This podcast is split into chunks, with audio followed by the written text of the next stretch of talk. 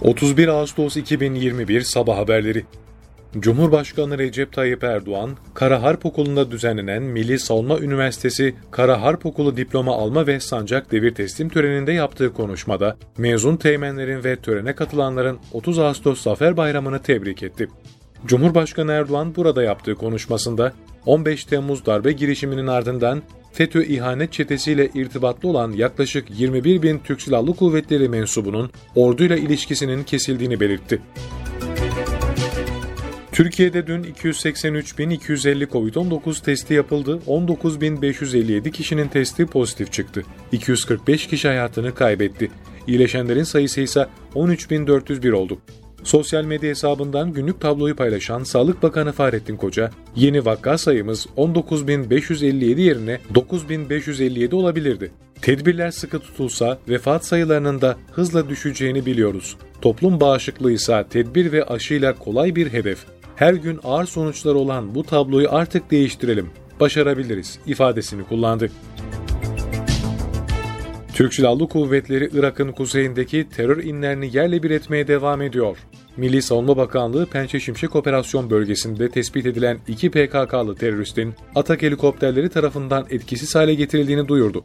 Barış Pınarı bölgesinde 6, Fırat Kalkanı bölgesinde 1 olmak üzere saldırı girişiminde bulunan toplam 7 PKK-YPG'li terörist etkisiz hale getirildi. İçişleri Bakanlığı da Eren 13 operasyonunda Şırnak'ta 4 teröristin etkisiz hale getirildiğini açıkladı.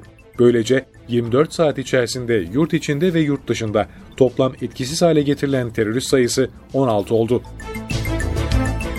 Kara para aklama soruşturması nedeniyle Avustralya'da tutuklu bulunan Sezgin Baran Korkmaz'ın Türkiye'ye iade talebi mahkemece onaylandı. Amerika Birleşik Devletleri'nin aynı yöndeki başvurusu ise Wells Mahkemesi tarafından incelenmeye devam ediliyor. Mahkeme incelemesini tamamladıktan sonra iki dosya hakkındaki kararı Avusturya Adalet Bakanlığı'na gönderecek.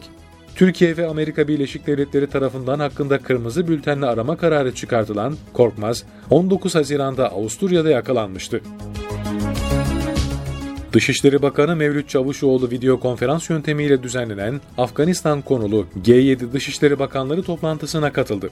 Çavuşoğlu Twitter hesabından yaptığı paylaşımda Afganistan konulu G7 Dışişleri Bakanları toplantısına katılarak görüş ve değerlendirmelerimizi paylaştık ifadesini kullandı. Kuzey Kıbrıs Türk Cumhuriyeti Cumhurbaşkanı Ersin Tatar, Suriye kaynaklı petrol sızıntısının Kıbrıs'ın Karpas kıyısına doğru ilerlediği yönündeki haberler üzerine gelişmeleri yakından izlediklerini söyledi. Tatar, Türkiye Cumhurbaşkanı Yardımcısı Fuat Oktay ile görüştüğünü ve Türkiye'nin Lefkoşa Büyükelçiliğinde devrede olduğunu vurguladı. Güney Kıbrıs Rum Yönetimi makamları da petrol sızıntısı ile ilgili gelişmeleri yakından izlediklerini yönünde açıklamalarda bulundu. Yemen ordusu Marib kentinde pazar akşamından bu yana İran destekli Husilerle devam eden çatışmalarda 23 milisin öldüğünü açıkladı. Yemen ordusuna ait internet sitesinden yapılan yazılı açıklamada orduya bağlı birliklerin Marib'in batısındaki El Kassara cephesinde pazar akşamından bu yana Husilerle çatıştığı bilgisi paylaşıldı. Açıklamada yaşanan çatışmalarda 23 Husi milisin öldüğü, topçu ateşi sonucu 6 askeri aracın kullanılamaz hale getirildiği ifade edildi. Husilerden konu ilişkin açıklama yapılmadı.